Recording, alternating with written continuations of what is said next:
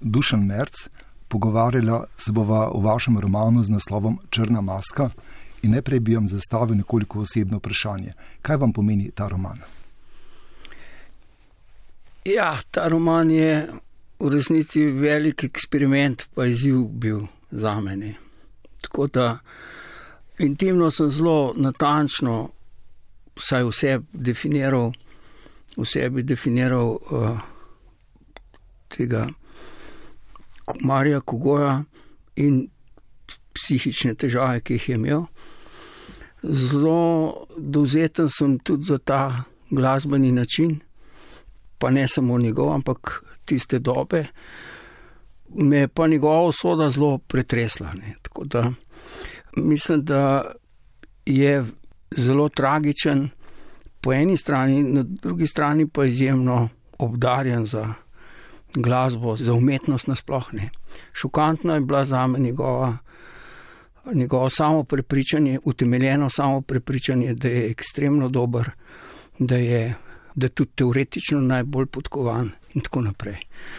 Tako da mi je nekako skozi vse to in pa tudi skozi to dramo Leonida Andrejeva, pa identiteta, vprašanje identitete umetnika se mi zdi zelo pomembna v tem romanu in nasploh. Zakaj vas je njegova usoda pretresla? Ja, tukaj je več stvari. Ne. Moram reči, da eno je ta tržaška usoda in vprašanje njegovega otroškega življenja, njegovih predstav, materinstva, ki ga ni izražala njegova mati, problem očeta, problem bratov, sestre in tako naprej. Tako da ta osebna tragedija, ki jo je nosil sabo in ki je zaznamovala več kot tretjino življenja, ne, je zelo zanimiva. Ne. Pretrese človeka, ki se s tem ukvarja, ne, ki, ki hoče to bolj natančno razumeti. Dopuščate možnost, da je ta njegova otroška usoda vplivala tudi na njegove vedenske vzorce pozneje? Jaz ne bi rad govoril o vzrokih za njegovo duševno bolezen. Ne.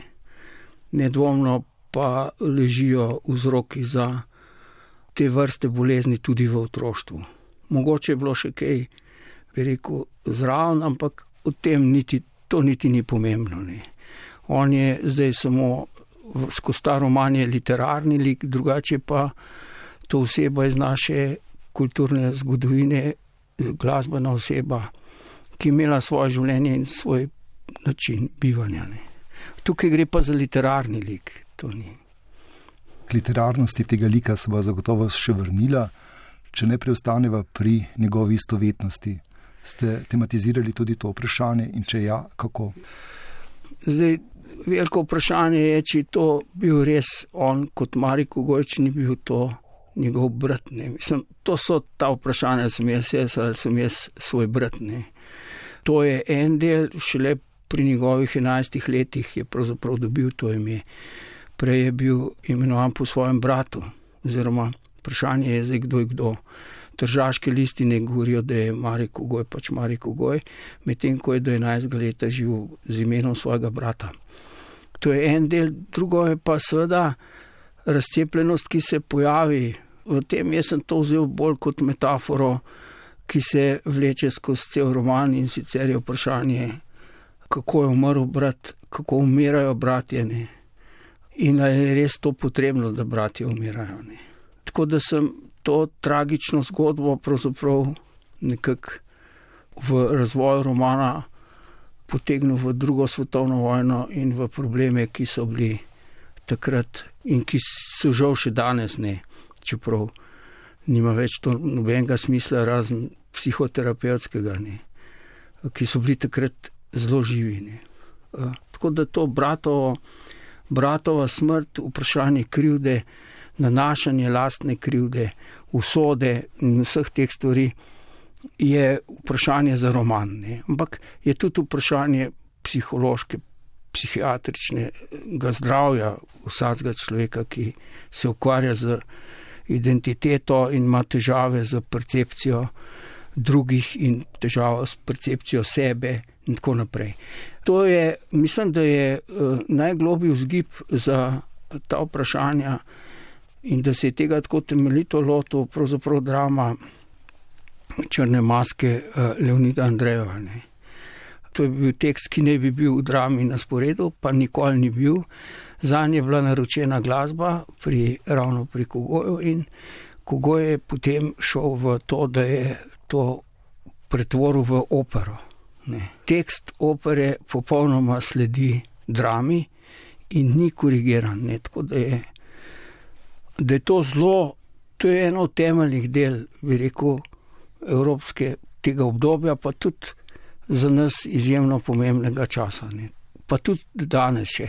Jaz ne bi vzel muzikoloških stvari govoril, ker nisem kompetenten za to, da bi to zelo natančno lahko povedal.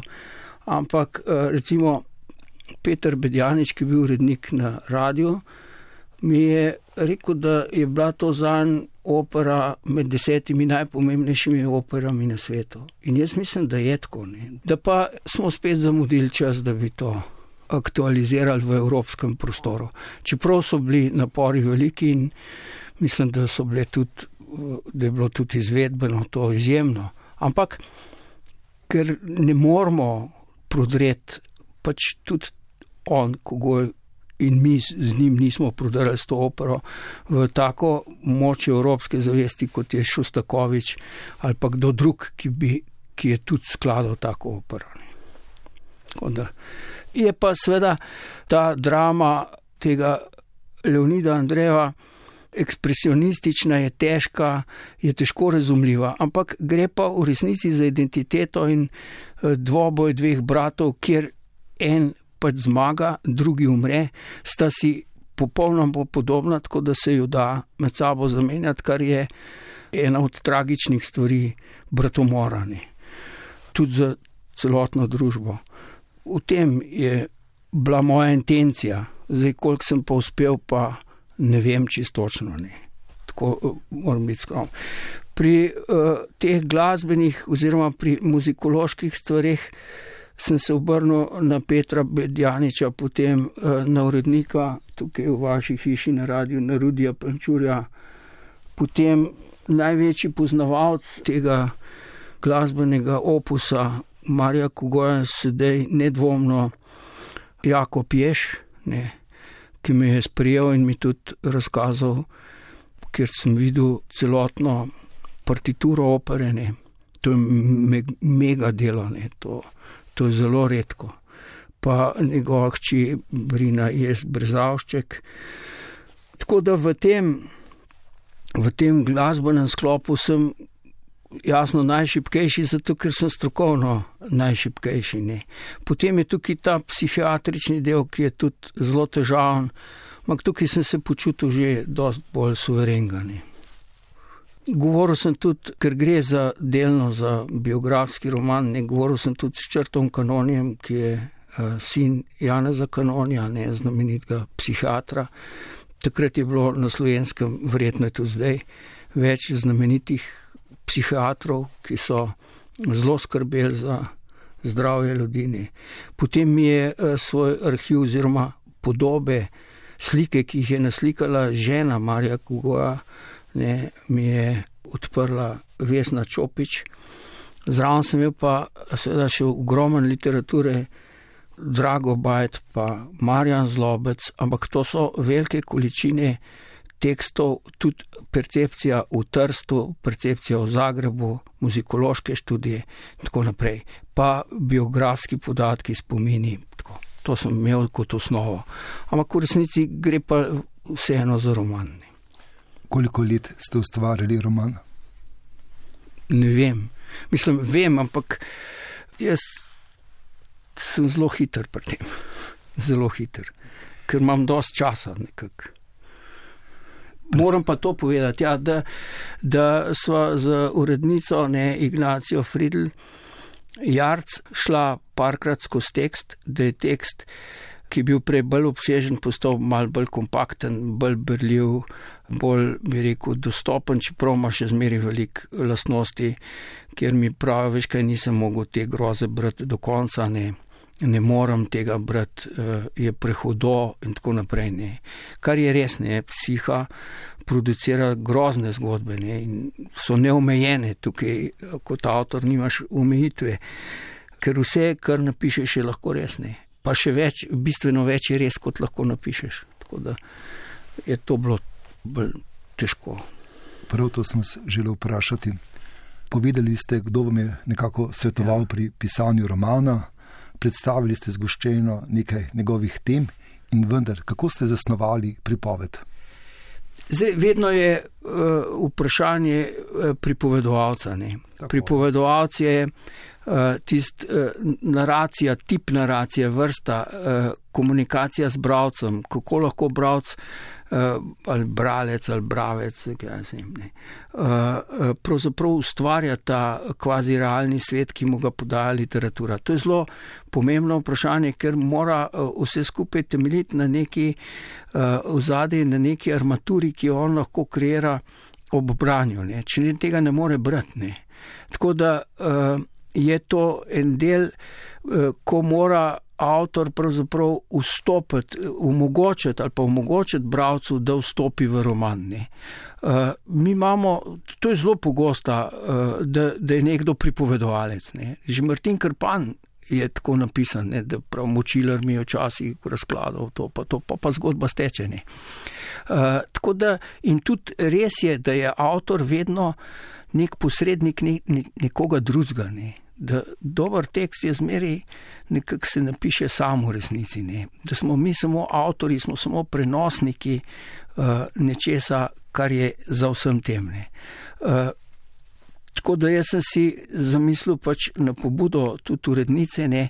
nekoga, ki, je, uh, ki ta tekst, ki to življenje prezentira. Ne? In to je ta kalan. Ne? V resnici je to spet eno literarno ime slovenske literature. Ne? Iz Tavčarja, uh, kjer Kalan pripoveduje zgodbo o visoški kroniki. Ne. To je mal ponaredek moj, pa ne ponaredek, neka povezava, ki pa ne bom o tem govoril.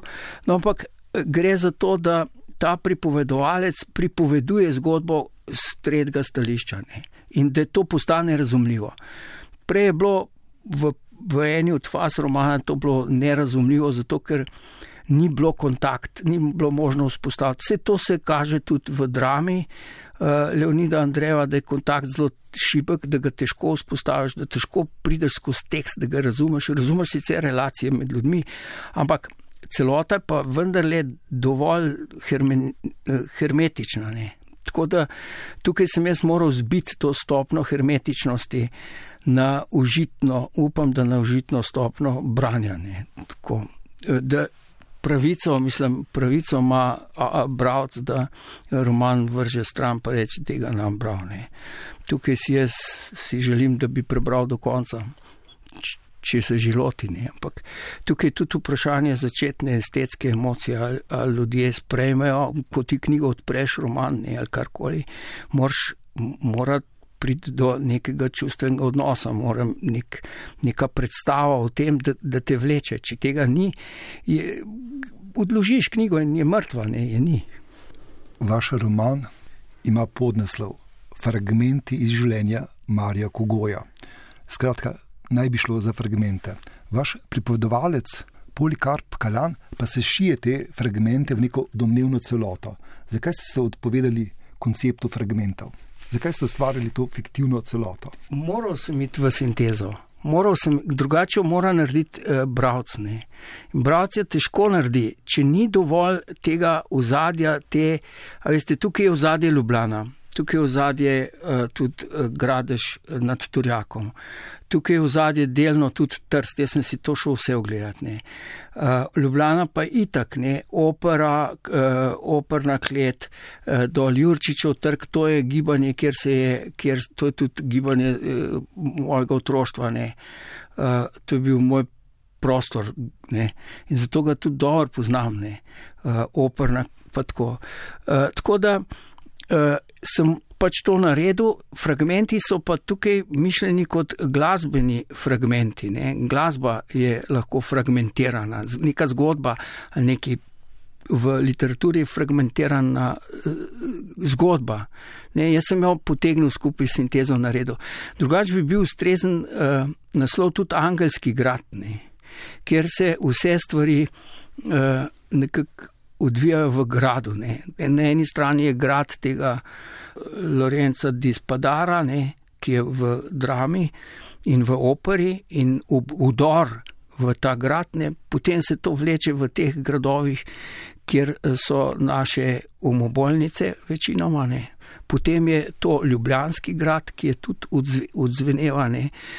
Potem je uh, tukaj pa seveda Turjak. Ne. Turjak, uh, uh, kogo je imel dobre stike z zadnjimi lastniki Turjaka. Ne. In tam je tudi ta lastnica, njihovo zgodbo in tako poznamo, ne, si prizadevala, da bi odkrila identiteto, njegovo identiteto v Trstu, ker je imela to formalno možnost, imela vse, bila je oseba, ki je lahko dostopala do tega. Ampak tam so tudi vaščani, ne, uh, tako da uh, vaščan, s katerim sem govoril, Jože Pečnik, ne, mi je posredoval ne pripovedi svojih starejših soveščanov o tem, kako so oni dojemali kogoja, ko je bil tam. Uh, tako da tudi Jože Pečniku se moram zahvaliti za neposredne vtise vaščanov o Mariju Kogoju. To je bilo res, ne. To so otroci so ga videvali, ko je uh, v gozdu, ko so šli iz šole pa v šolo, v šolo pa iz šole, ne, je še on vedno stal pred grmom in mu dirigiral, ne, ker je bil že pač psih, psihiatrično boln, ne, psihično boln. Tako da te stvari so bile dost resne, ne, mislim, realne so, ne, ni, to, ni zmi, to je samo pripovedovalec, sem jaz oziroma ta kalan. Uh, tako da je to to. Naslov Angelski grad zveni zelo zanimivo. Angelski gradovi bi bilo preveč upisno. Kaj pa pomeni vaš naslov Črna maska? Črna maska je maska, za katero se skriva pač kogoj ne. Veste, tako, zdaj, če grdo reči, mi smo skozi za maskami. Ne. To, tudi če zdaj nosimo te papirnate maske, ampak pod to masko še ena maska in pod to masko še ena maska. Ne. Teh mask je veliko. Ne. In redko si upamo to snetne. To so zelo redki trenutki, da mi pridemo, mogoče tudi sami sebi ne. ne. Tako da eh, ta črna maska je črna, ne, ni, ni, ne, more, ne more biti pisana, ne. Eh, radostna, je tragična, je žalostna. Ne. Tukaj je tudi uh, usoda žene in otrok njegovih. Ne. To so hude usode, to, te usode živijo tudi danes. Ne.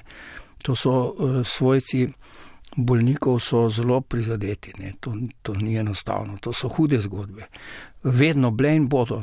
Uh, tako da je pa res, sem recimo si ogledal tudi Begunje uh, kot grad, ne, ki je izjemno lepo urejen, ampak danes so te farmakološke in te druge stvari že tako napredovale, ne, da verjetno tako, da, da trpljenje še obstaja, da je drugačno.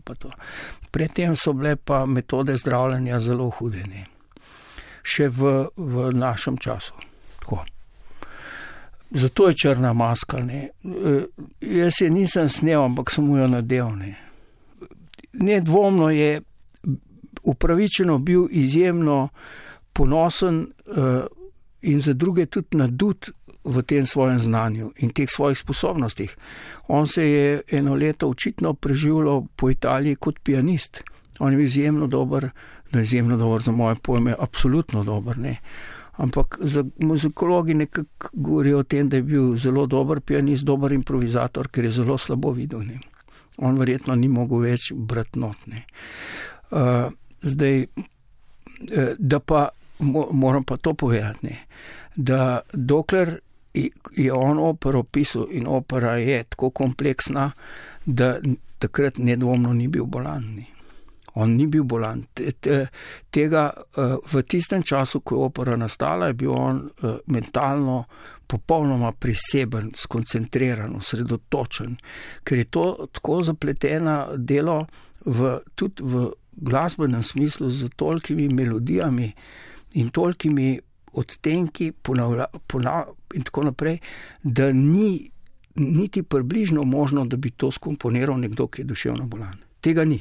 Ne, to, da, to moram posebej povedati, da, da eh, opera je, pa tudi ostale skladbe, eh, ki so za otroke, menda so za otroke po, po glasbeni plati najlepše. Ne. Veste pa tudi, kar je za klavir, kar je vse to, so lepe skladbe. Ne. Res pa je, da je na slovenskem že v tistem času uh, tudi dosti drugih glasbenikov, ki so zelo močni ne. in da je imel tudi precej uh, usporavanja med njimi. Uh, kljub temu, da so bili sami zelo dobri, mislim, mogočni glasbeniki. Tako da. Ne.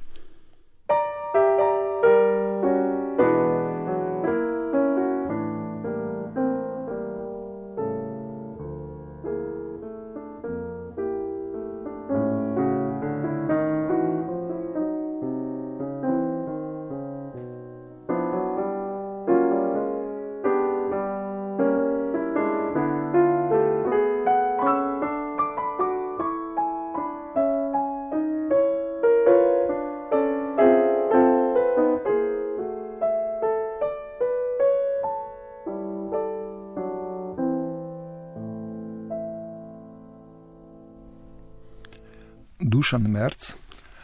Pred glasbenim premorom ste nam pojasnili, kaj pomeni naslov vašega romana, kaj pomeni črna maska. Ampak vaš romaneskni junak, antijunak, se srečuje tudi s črnimi maskami. Kdo so? Ja, te črne maske, problem bolezni je ravno v tem, da neprestano pretvarja realiteto, ki je nam na vides vsem jasna, pa lahko tudi ni. Ne? Ampak naša percepcija realitete je približno enaka za tiste, ki mislimo, da smo v svetu in lahko komuniciramo. Medtem ko eh, ti eh, bolniki pa pač to spremenijo. Ne? Tako da nekatere stvari ostanejo popolnoma cele, zdrave, nekatere pa uh, so tudi, ampak so pomešane z vsemi ostalimi in ne veš, kaj je verjetno in kaj ni verjetno. Ne? Jaz mislim, da je on sprijemal realiteto, vojno realiteto, eh, realiteto po vojni zelo natančno, zelo dosledno, da je imel upogled, da pa se, je, se mu je to, eh, da mu je neprestano spodrsavalo, da je neprestano imel eh, odhode v, v svoj svet. Ne. In to je zelo težko. Tako da jaz nisem hotel nikogar v romanu, uh, poudarjati ali pa iz, iz, tako se reče, izpostavljati ne, kot uh, negativiteto. Ne. Uh, niti uh, nikogar, zato ker bi bilo to kravi, krivično. Veste, jaz mislim, da nihče mu ni hotel nič žalega, razen kar je bilo pa res, ne, da je bil zelo neprijeten še v svojem normalnem komuniciranju. In da je prišlo tudi do tega, da so se fizično spravili, da se je en operni pevc naga fizično spravil v operi, ne, eh, v operni kleti, eh, da ga niso marali, da so ga sovražili.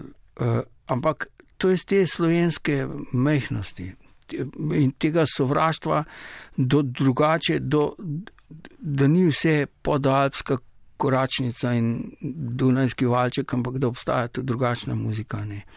In najbrž je tukaj bilo uh, to primitivno sovraštvo. Ne. Tega je bil on deležen precej. Ne. Že pred drugo svetovno vojno. Že ne? pred boleznijo. Že pred boleznijo. Ampak v vašem romanu obstaja tudi neke vrste azil za kogoja, ker sredi tega mestnega sovraštva, ki ga doživlja lahko ja. z dneva v dan, tudi zaradi zavisti, sreča človeka, ki mu nudi neke vrste zatočišče. Kdo ja. je to? Je to fiktiven lik? Ja, ta lik je v resnici lik iz mojega otroštva. Ne. To je eh, to okolje eh, Ljubljana, banka, eh, Narodna banka, potem Butičnik, opera, operna klet, pa dol do Jurčičevega trga, to je moje otroštvo. V današnjem Knaflovem prehodu je lokal, neka baraka je. V tej baraki je bil v mojem otroštvu obrtnik, ki je barval čevlje in usnjene torbice, usnjene izdelke. V resnici je bil verjetno Grk ali pa Turk, jaz, mogoče bil Markosov partizan, ne vem. Ampak spomnim se ga pa izjemno dobro, bil je izjemno galanten. In jaz sem ga kot otrok imel za eno vrste, tam smo se mi pač igrali pa tako ne. Uh, za eno zelo dobro osebo v svojem življenju. In tudi, kadar je moja mati, ne, potem je bil še en čevlar v tem prehodu, takoj na začetku, uh, kadar je nesla, kaj se tam se je zelo tako odprl svet, ne. ni bil sam ljubljanski. Ne ni bil samo krajinski, ni bil samo socialističen, ne. bil je uh, bolj kozmopolitski. Ne. Ta Grk ali Turk ali kaj bil, ne vem, ne. bil je zelo temne barve. Ampak uh, je, je v meni, izra, je meni dejal vtis eh, čistega posebnega sveta, zelo prijetnega. Ne. Tako da jaz sem ga vzel kot lik v roman, ne. kot zatočišče za kogoja. Ne. Ampak v resnici je bil moje zatočišče, tako še danes, ko grem tam in pa vidim tisto gostilno, ne, noben več najbrž ne ve, da je to bila barvarna usna. Ne. To je tako. Uh, tudi vsi ti prostori so še danes taki, kot so bili takrat. Ne. Operna klet je sicer zaprta, mi iz študentskih časov vemo, da je bil to en pajzlni. Zelo človeška, zelo prepričljiva, pravzaprav lepa je tudi žena Marija Kogoja.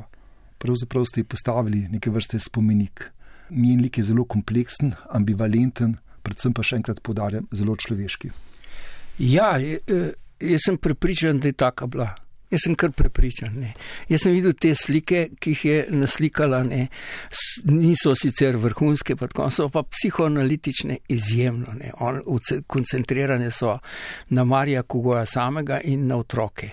In uh, tukaj se vidi, da je Marij Kugoj pravzaprav križan. Ne on, ona je to razumela. Ne. Jaz sem prepričan globoko, da je to tako. In je prav. Je, uh, zdaj, kako je bilo res, pa kaj ni bilo res, je nepomembno. Ne.